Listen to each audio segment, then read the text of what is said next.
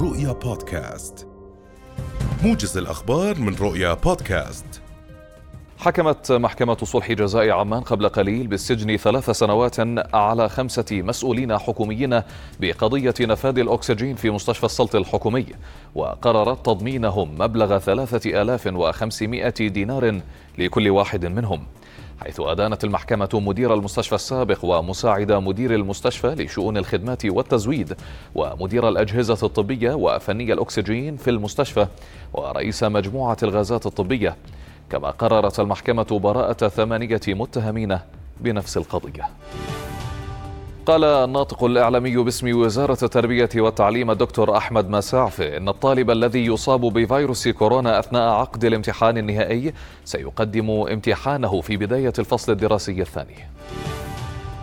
أعلن رئيس هيئة مستثمري المناطق الحرة الأردنية محمد البستنجي عن تخليص نحو 52 ألف مركبة في المنطقة الحرة بالزرقاء خلال الأحد عشر شهرا الأولى من العام الحالي وأشار البستنجي إلى أن حركة التخليص ضمن معادلاتها أو معدلاتها المعتادة متوقعا ارتفاع حركة التخليص على مركبات الهايبريد خلال الشهر الحالي قبل عودة الضريبة عليها إلى 55% بداية العام المقبل.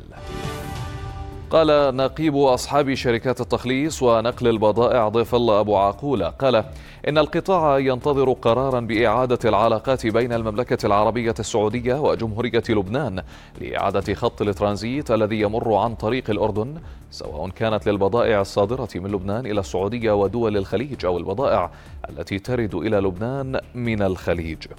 وتمنى أبو عقول خلال بيان صحفي اليوم إعادة انتعاش تجارة الترانزيت في الأردن من خلال عودة حركة نقل الشاحنات والبضائع من دول الخليج إلى لبنان وبالعكس بعد توقف دام أكثر من شهر. الأمر الذي أوقع ضررا على شركات التخليص ونقل البضائع في الأردن بانخفاض حجم العمل. اقتحم مستوطنون متطرفون يهود صباح اليوم باحات المسجد الأقصى المبارك الحرم القدسي الشريف بمدينة القدس المحتلة.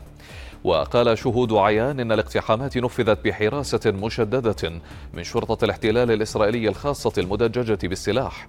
واضافوا أن عشرات المستوطنين اقتحموا الأقصى من جهة باب المغاربة على شكل مجموعات وأدوا طقوسا تلمودية استفزازية في المنطقة الشرقية من جهة باب الرحمة. أفادت وكالة إدارة الكوارث في إندونيسيا بوقوع 13 قتيلا جراء ثوران بركان سيميرو. وذكرت الوكالة إنه أو أنه تم إجلاء عشرة أشخاص حوصروا بعد ثوران البركان في جزيرة جاوة بينما أصيب العشرات. وأظهرت مقاطع فيديو السكان وهم يركضون بينما غطت سحب الدخان والرماد القرى المجاورة.